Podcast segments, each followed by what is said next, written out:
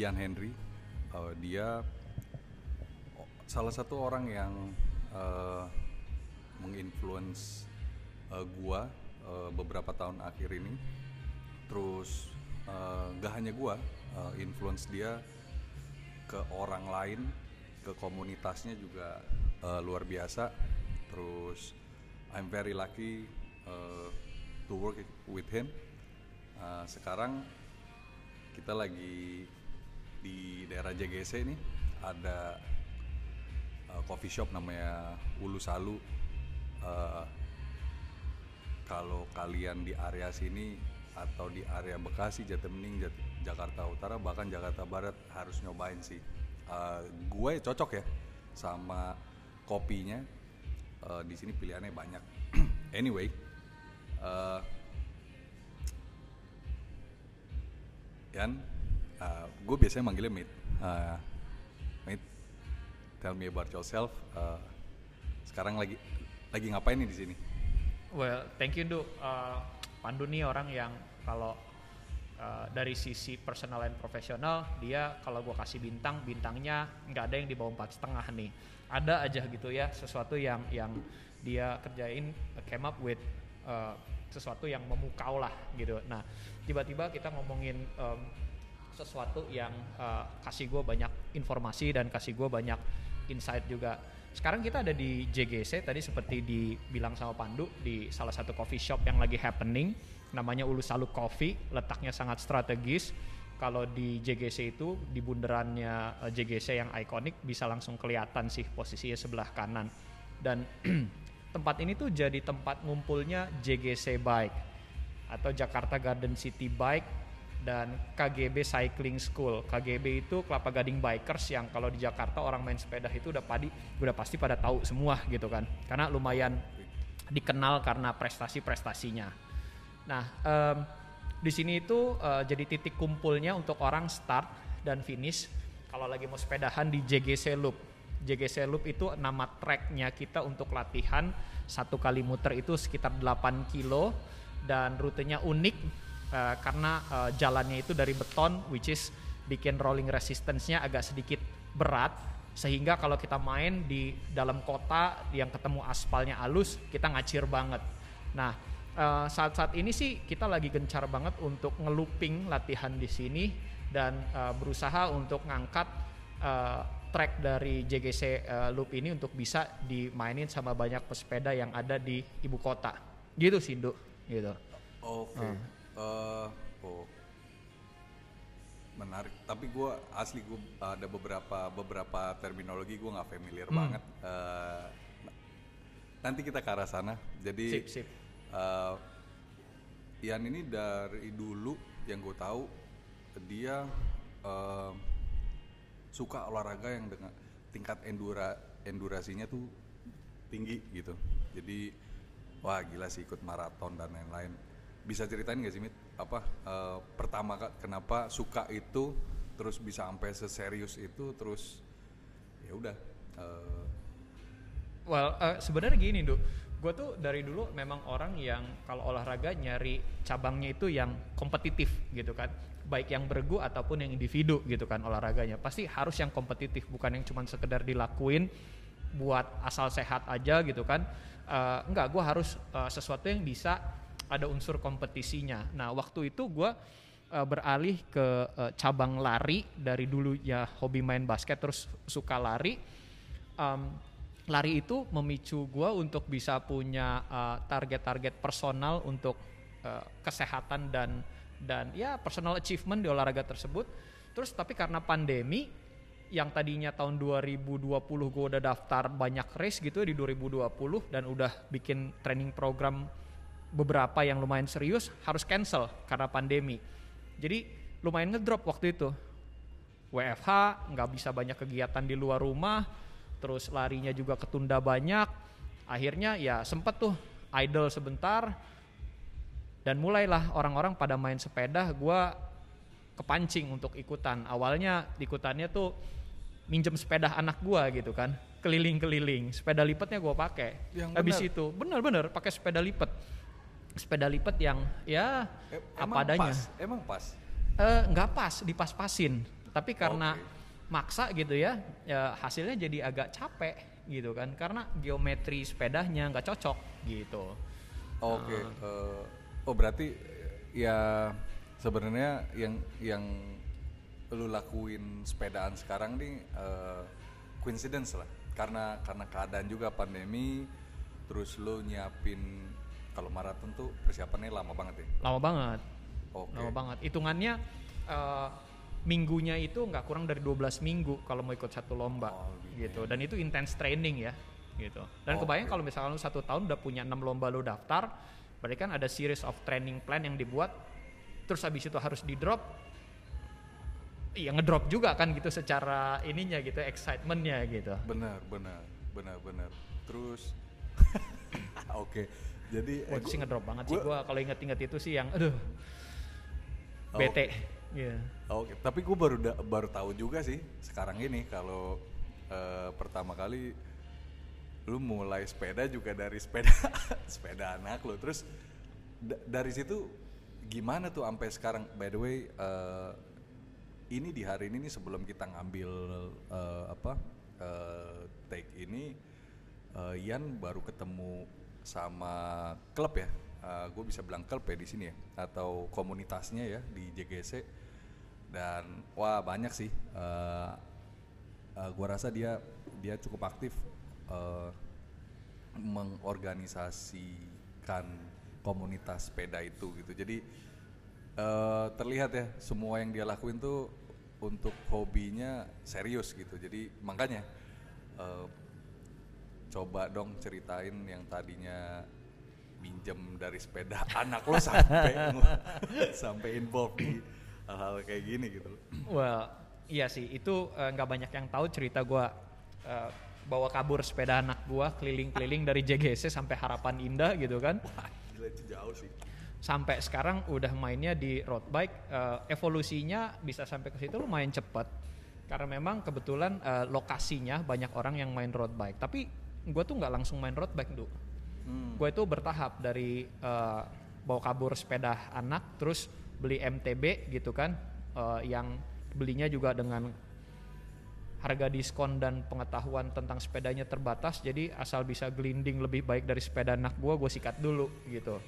Sampai gue main road bike dan diajarin sama beberapa temen yang udah mulai mulai eh, serius sama ini lebih dulu dari gue, terus ketemu komunitasnya di eh, JGC Bike, baru deh mulai mendalami hal-hal yang berbau road bike itu atau eh, apa ngulik sendiri. Eh, ceritanya seru-seru. Ngulik sendiri habis itu digoes jadi nggak enak akhirnya bawa ke bengkel atau akhirnya jadi panggil mekanik ke rumah. Evolusinya panjang. Kalau Ah, tadi ser- serius itu ah, panggil mekanik ke rumah sampai panggil mekanik ke rumah. Kebetulan ada satu mekanik langganan teman-teman di grup kita uh, namanya Jerry gitu kan. Uh, Jerry ini jadi jadi uh, istilahnya uh, andalannya kita di di grup ini gitu di Jakarta Garden City Bike atau JGC Bike. Karena satu deket dan uh, cepat cukup responsif. Nah biasanya kalau gua manggil dia waktu itu karena gue bikin salah sama sepeda gua. Jadi gue otak atik sendiri pas di goes jadi nggak enak atau pas gue otak atik sendiri salah udahlah call Jerry gitu. Nah, Kalau yang lain gue nggak tahu, tapi case gue in the early days of starting road bike ini seperti itu gitu. Nah, sekarang ya udah agak mendingan dikit gitu kan. Oke. Eh, gue termasuk orang yang asli nggak ta- nggak terlalu tahu lah tentang apa eh, persepedaan itu. Dan tadi kan lo mention ya gue tahu Sally ya, it's obvious gitu. Itu itu sepeda anak gue yang gue bawa kabur sepeda lipat. Tapi tadi lo bilang MTB. Nah, gua punya itu eh, MTB. Hmm. Terus eh, sebeda apa sih? Gue belum pernah nyobain yang namanya road bike. Sebeda apa gitu? Kenapa? eh, Kira-kira gue bisa nggak sih ngikutin pace kalian atau Hmm. komunitas komunitas kalian yang eh, sorry du, eh, lo MTB, ya? Eh, gue road bike gitu. Gue nggak tahu gitu. Well, sebenarnya memang secara secara uh, jenis sepedanya juga memang nggak sama gitu kan. Kalau ada uh, MTB bisa ngebalap road bike di jalanan itu antara road bike-nya yang lagi pelan banget atau kalau road bike-nya kenceng banget dibalap sama MTB ya yang naik MTB sakti lah gitu kan.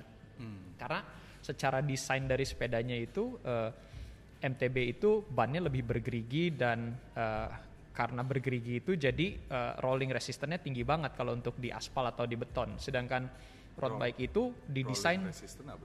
rolling resistant itu uh, hal yang membuat sepeda itu ngegelindingnya jauh lebih sulit gitu loh.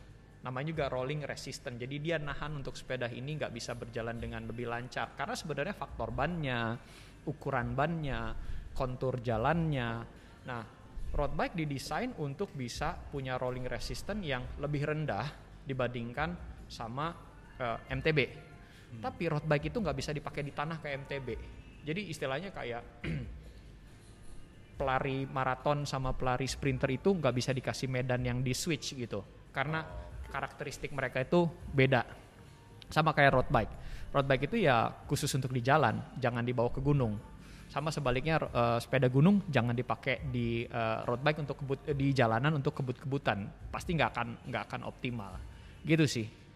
Nah, Oke, oke. Makanya ya ya beda jauh lah ya. berjauh. Ah, Oke oke. Terus eh, kalau tadi ngikutin eh, apa sebelum kita ngobrol ini kayaknya lumayan aktif nih eh, komunitas di sini. Iya, iya. Terus lu bilang apa tadi ada inner loop. Emang JGC Loop. uh-uh. JGC loop itu JGC emang, loop. emang gede ya? Apa JGC Loop itu sebenarnya satu track eh, jalanan di dalam Jakarta Garden City yang kita jadiin jalur latihan. Satu kali muter itu 8 km. oh, Nah, gede juga dong. lumayan, lumayan gede. Oke. Kalau dibandingkan sama track loop yang ada di Jakarta kayak misalkan di Pulau Mas atau di eh, Tangerang itu di Mozia di BSD, kita lumayan gede karena eh, yang lain itu di bawah 8 km satu kali muternya. Nah, kita eh, lagi ngebahas besok itu kita pengen latihan untuk dapetin 100 km. Oke. Which is sekitar 12 lupan, 12 kali muter. Cuman kadang-kadang buat orang yang eh, baru gitu ya, dengar 12 eh dengar 100 km itu sesuatu yang wah gila loh, jauh banget gitu kan. Wah, Tapi buat buat beberapa yang udah udah pernah itu sesuatu yang mereka tunggu-tunggu kadang-kadang gitu. Pengen sebulan sekali. Ada yang kalau udah udah addicted banget mereka bisa seminggu sekali ngelup 100 gitu. Ada istilahnya soalnya untuk eh, satu kali gue sampai 100 itu namanya Grand Fondo. Hmm, Nah, Grand Fondo ini Fondo tuh F O N D O. FONDO. Oke. Ya. Jadi Grand Fondo besok itu eh, edisi bulan April buat JGC Bike. Jadi kita besok pengen bikin satu eh, eh, fondo di bulan April dan besok itu diorganize-nya agak sedikit rapih karena memang kita jumlahnya banyak. Nah jumlahnya banyak ini kita nggak mau pada saat kita goes itu ini yang menarik nih karena lately kita lagi me- me- mengkampanyekan ini kita nggak mau ketika kita goes rame-rame kita bikin susah orang lain di jalan Ah iya benar. Kenapa? Karena banyak banget stigma orang tentang orang yang goes di jalan itu mengganggu, khususnya road bike. Terkesan kayak apalagi mereka dibilang, wah tuh mereka yang mentang-mentang sepedanya mahal apa segala macem, suka-sukanya aja. Nah Ah, kita lagi mau nunjukin, kita. Kita Oh. lagi mau nunjukin bahwa no, tidak semuanya seperti itu. Kita itu mau share the road. Share the road itu kampanyenya kita. Jadi kita kalau lewat eh, ada orang yang menggunakan jalan juga atau pengguna jalan yang lain gitu, baik itu mobil, sepeda motor, apalagi orang yang jalan kaki, kita itu eh, menunjukkan attitude yang baik. Kalau kita dikasih jalan kita kasih jempol, kita bilang thank you, kita kasih senyuman, terus juga kalau ada orang yang eh, mengambil jalur tiba-tiba kita juga memberikan mereka eh, himbauan gitu kan. Tapi ada juga yang tidak mengerti bahwa kita sedang berusaha untuk menunjukkan attitude yang baik dalam dalam bersepeda. Kita pun dapat treatment yang kurang baik kadang-kadang. Mobil ngelaksonin kita, bahkan sering buka kaca dan melontarkan kalimat-kalimat yang Nah, itu- kurang tepat ke kita gitu. Kalau kalau kejadiannya gitu ya, itu eh, eh, gue nggak tahu apa apa apa itu kejadian pas di eh, kalian seperti itu atau memang me- mereka ngeluarin apa uh, attitude gitu karena ya kan bisa satu iri satu memang emang kalian ngeganggu ke jalannya ke tengah ke tengah gitu Eh, itu ke, ya gue nggak tahu kalau pengalaman kalian kemarin gimana tuh Kebanyakan sih eh, karena pengguna jalan tersebut merasa terganggu. Mungkin karena kita ngambil jalurnya kelewat ke tengah gitu ya, sehingga dianggap menghalangi jalan mereka. Tapi juga bisa jadi karena alasan lain yang eh, apa eh, dari faktor tidak menyukai dulu gitu loh. Jadi kadang-kadang jadi subjektif. Nah, tapi himbauan kita sebagai satu komu- komunitas sepeda, apabila terjadi hal-hal seperti itu, respon kita harus tetap baik. Kita tidak boleh melakukan atau bereaksi dengan hal-hal yang negatif. Kenapa? Karena kalau terjadi hal-hal yang dilakukan oleh pihak lain membahayakan kita, kita yang rugi juga. Karena kita yang paling rentan. Kita di di atas sepeda itu cuman cuman ada helm doang yang lindungin kepala kita. Bayangin kalau kita di diadu sama sepeda motor atau kendaraan roda 4, mungkin yang paling banyak ruginya adalah kita, safety-nya kita yang paling kena duluan. Jadi kita selalu dihimbau di, di dalam komunitas sepeda ini bahwa jika terjadi hal-hal seperti itu, mengalah itu lebih baik, gitu. Oke. Mengalah lebih baik. Oke.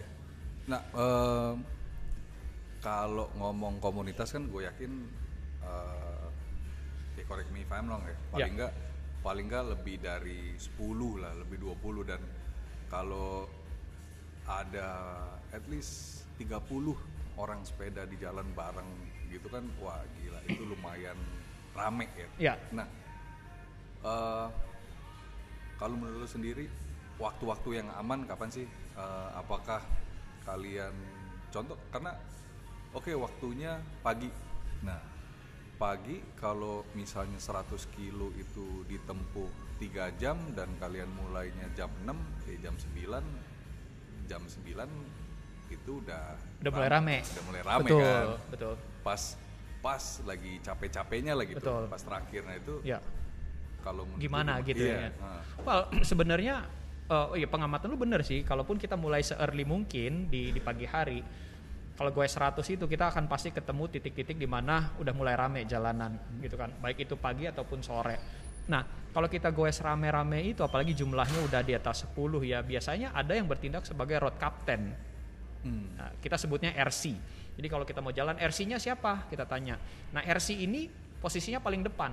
Dia akan goes paling depan dan dia akan memberikan arahan gimana behaviornya kita dalam bersepeda, dalam eh, eh, apa? mengayuh kecepatan sepeda, terus juga dalam manuver-manuver belok kanan kiri berhenti atau bahkan ngasih tahu di belakang ada lubang, ada halangan, ada batu, ada apa.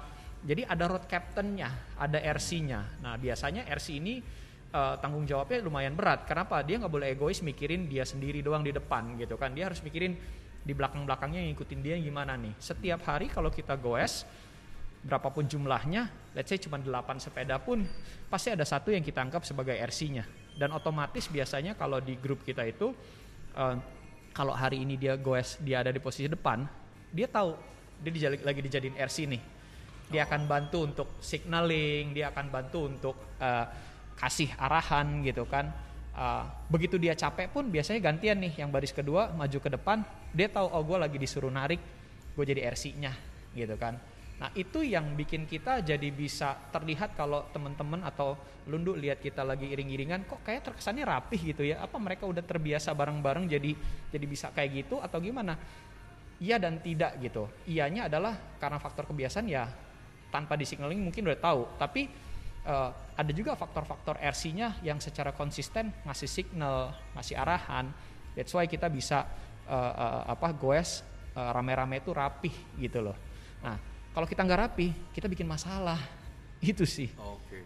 Nah, eh ya layaknya kayak kayak aktivitas atau hal-hal yang lain ya.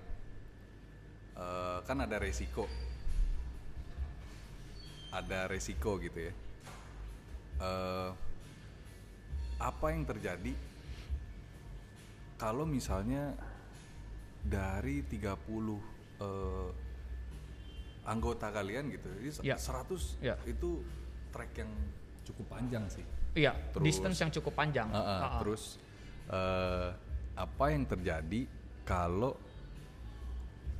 salah satu salah satu apa anggotanya bannya kempes atau saddle-nya bermasalah lah Ya. atau gimana. Nah, itu Ya. itu gimana, Mit? Apa dan apakah pernah kejadian kayak gitu? Oh sering sih, Oh, sering justru. sering. Jadi justru Oke. ada ada aja salah satu dari teman kita yang unfortunately punya kendala teknis, baik itu bannya eh, kempes karena kena batu atau kena paku atau apa pun, atau eh, ada technical problem lain sama sepedanya. Mereka harus minggir. Nah, eh, ketika mereka minggir itu kita pasti menanyakan, are you okay? Biasanya kalau misalkan dia bilang oke oke oke, mereka bisa manage itu ya kita lanjut ngelup latihan. Eh, kalau misalkan dia perlu bantuan ya kita kita pasti assist dia gitu kan. Dan kalau eh, road bike itu kalau ada masalah udah pasti kita harus berhenti dulu. Kenapa? Kalau ban pecah misalkan karena bannya kecil tipis nggak mungkin kita paksa goes gitu. Pasti bakalan hancur kalau gitu. Dan eh, sayang juga gitu eh, sepedanya nanti bisa rusak. Nah kalau misalkan ada masalah biasanya eh, kita udah langsung minggir langsung minggir. Berhenti lebih tepatnya gitu. Kita nggak akan nggak akan paksain. Nah, itu sih kondisinya kalau kalau lagi ada trouble gitu. Terus kalau kayak tadi apa? Oh, bannya pecah lagi. Nah, ada yang bawa serepnya atau emang semua yang apa ikut itu mereka udah well prepared dengan well prepared biasanya well prepared. Well preparednya minimum kalau kita goesnya panjang-panjang itu kita tuh ngantongin ban dalam satu. Oh ban dalam sama congkelannya namanya tire lever untuk ngebuka ban. Jadi kita tuh yang main road bike-nya sampai sekarang udah mulai agak serius, biasanya terlatih untuk eh, ngebongkar pasang ban sendiri, mompak sendiri, dan kita itu nggak eh, dalam kondisi kalau ban kempes itu nambal, enggak.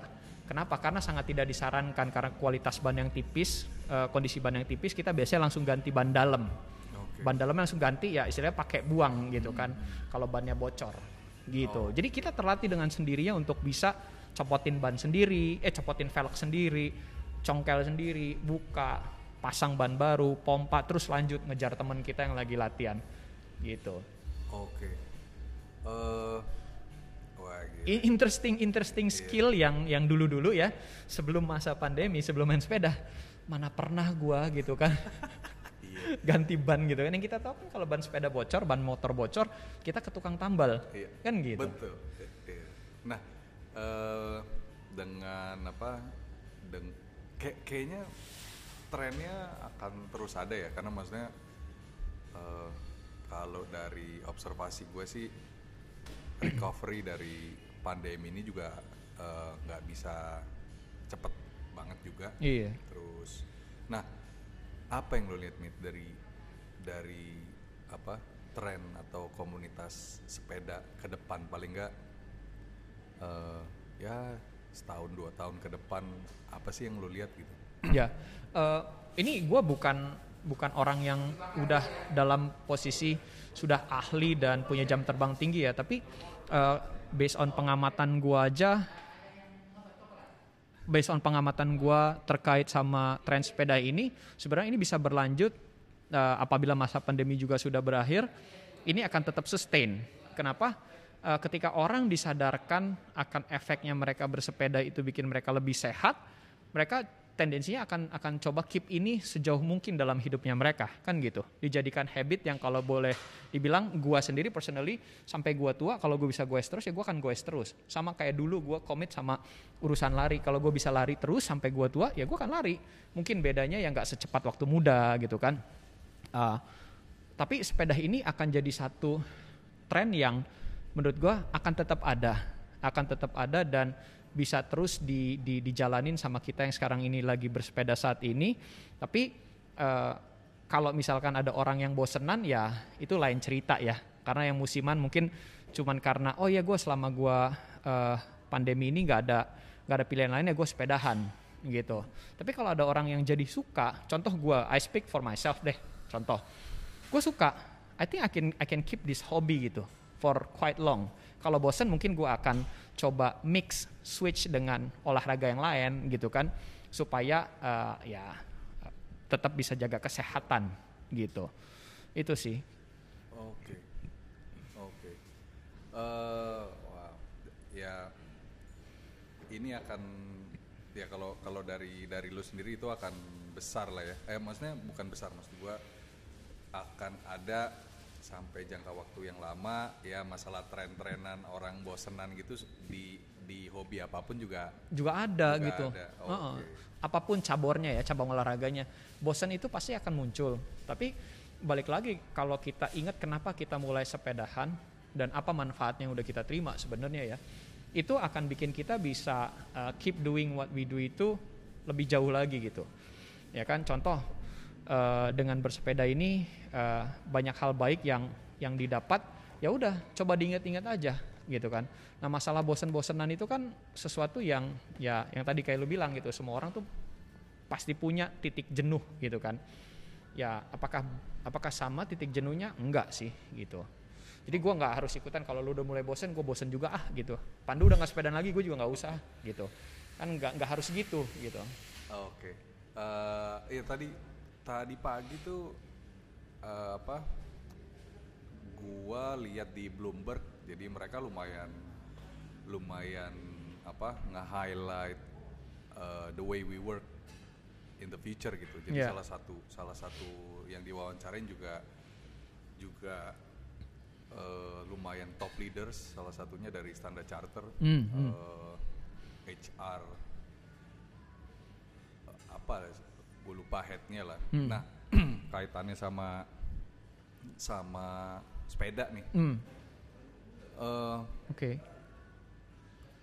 dengan gaya hidup begini terus mungkin remote work eh, becoming a new normal in the Hmm, future gitu Ya. terus menurut lu di Jakarta itu eh, possible nggak sih dengan kondisi yang ada kita sekarang ya Oh. maksudnya eh, letak perkantoran kita yang sekarang ya. di di tengah Jakarta Ya. gitu eh, pandangan lu gimana sih Mit masalah itu Mit Wah sebenarnya kalau dengan kondisi eh, letak kantor yang posisinya ada di CBD area atau di tengah kota gitu ya dengan eh, kondisi eh, apa new normal yang nanti going to office itu jadi less gitu ya sebenarnya nggak ngaruh-ngaruh banget sih. Karena waktu lagi busy-busynya sebelum pandemi juga bike to work itu ada kok gitu. Bike to work kan udah udah udah udah jalan dari beberapa waktu yang lalu gitu sebelum ada pandemi gitu kan. Dan ke depannya kalau misalkan orang mau commute eh, ke tempat lain selain kantor pun sebenarnya dengan sepeda itu tetap tetap bisa dilakukan gitu kan. Apalagi kantor gitu. Kalau misalkan eh, lebih bagus lagi kalau kantornya nyediain tempat eh, parkir sepeda atau shower untuk eh, karyawannya bisa mandi gitu kan sebelum ke ke kantor beraktivitas kerja. That will be something good sih. Jadi bisa bisa stimulate eh, apa eh, orang baik to work itu lebih tinggi lagi. Nah hanya yang lagi jadi isu itu di jalanan Jakarta ini adalah eh, jalur sepeda mit jalur sepeda itu sesuatu yang lagi jadi pembahasan lately bahkan dari kita itu memperhatikan gimana sih eh, jalur sepeda yang dibuat sama pemerintah saat ini itu belum memadai untuk mengakomodir semua pesepeda, semua jenis sepeda untuk masuk ke jalur itu, baik dari sisi lebarnya, baik dari sisi kontur jalan yang ada di situ. Karena eh, itu penting banget untuk bisa menunjang yang tadi lu tanyain, ke depannya gimana? Nah, faktornya banyak. Infrastrukturnya, terus eh, company policy-nya. Eh, kayak tadi company policy kan kaitannya sama gini, ngapain kantor nyediain tempat parkir sepeda kalau kita di gedung ini, gedung dong yang sediain, ya kan? Atau ngapain kantor harus nyediain kamar mandi khusus gitu, ya kan? Nggak ada tuh di perjanjian waktu itu eh, kita harus nyediain itu ke, ke karyawan. Balik lagi, yang dituntut untuk bisa mensustain apakah ini bisa diteruskan gitu ya jadi sesuatu yang jadi habit untuk menunjang kesehatan dan juga tetap menunjang produktivitas kerja itu ada banyak faktor. Salah satunya tadi itu dari company policy government dalam membangun infrastruktur jalannya.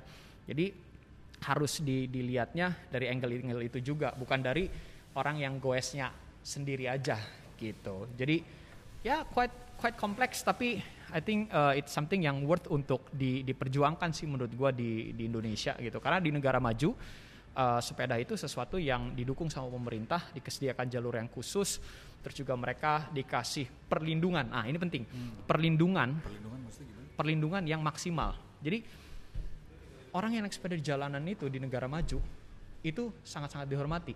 Di kita diklaksonin, bahkan cenderung dimarahin apa segala macam. Di luar negeri di negara-negara maju, orang yang naik sepeda itu eh, di Eropa misalkan gitu ya. Orang nggak main main main salip-salip sembarangan gitu dan ada jarak yang ditentukan minimal satu setengah meter antara kendaraan bermotor sama pesepeda. Kalau lebih dekat dari itu bisa membahayakan si orang yang di sepeda ini bisa memberikan signal atau bahkan bisa memberikan peringatan gitu. Di sini kan enggak. Wah, kita di jalanan bisa jarak kurang dari semeter kali itu sama mobil. That's very dangerous. Nah, ini yang seharusnya um, untuk gimana ke depannya tadi yang lu tanya, faktor dari pihak pengguna jalan yang lain juga harus mikirin kita. Gitu. Kita pun juga mikirin mereka karena we share the road yang tadi. Oke. Gitu. Wow. Wah, i- ini udah apa eh, nyolek-nyolek dimensi lain nih, tapi apa Eh. gua dapat bayangan juga sih kalau ini sesuatu yang besar lah ya. sebenarnya kalau kalau dieksplor tuh sangat besar maksudnya dalam arti ini nggak hanya hobi nggak hanya kesehatan tapi udah nyentuh lini yang lain juga kan Ya. Jadi, eh, wow Pak, sebenarnya gini ya Med ya, Eh, kita kan bisa belajar banyak, kita bisa belajar banyak hal dari apa yang ada di jalanan setiap hari gitu. We can learn a lot Eh, behavior orang lain di jalan, terus gimana aktivitas orang di jalan dan gimana respons kita di jalan terhadap mereka-mereka itu. I think eh, sesuatu yang pernah diajarin ke gue adalah eh, wisdom itu juga ada di jalanan. Jadi kalau lu nggak bisa pick itu dari jalanan, it means ya you are not watching gitu. You were there, lu jalan, lu pakai jalan ya, tapi lu nggak mengamati. Lu pengguna jalan aja. Tapi sebenarnya kan sebagai pengguna jalan juga lu bisa jadi seorang pembelajar yang baik gitu lewat apa yang ada di jalanan. I think itu yang yang selama ini gue juga uh, coba untuk pastiin bahwa what do I learn today dari jalanan gitu. Apakah di atas sepeda, ketika berkendara dengan mobil atau kendaraan yang lain, kalau kita pay attention to everything around us, pasti kita belajar sesuatu sih, gitu. Oke, dan hopefully uh, dari belajar kita bisa uh, give something in return to society lah ya, to community Gua rasa sih itu harus ya. harus. Kalau kita nggak mau kasih itu balik ke society, how selfish we are, gitu.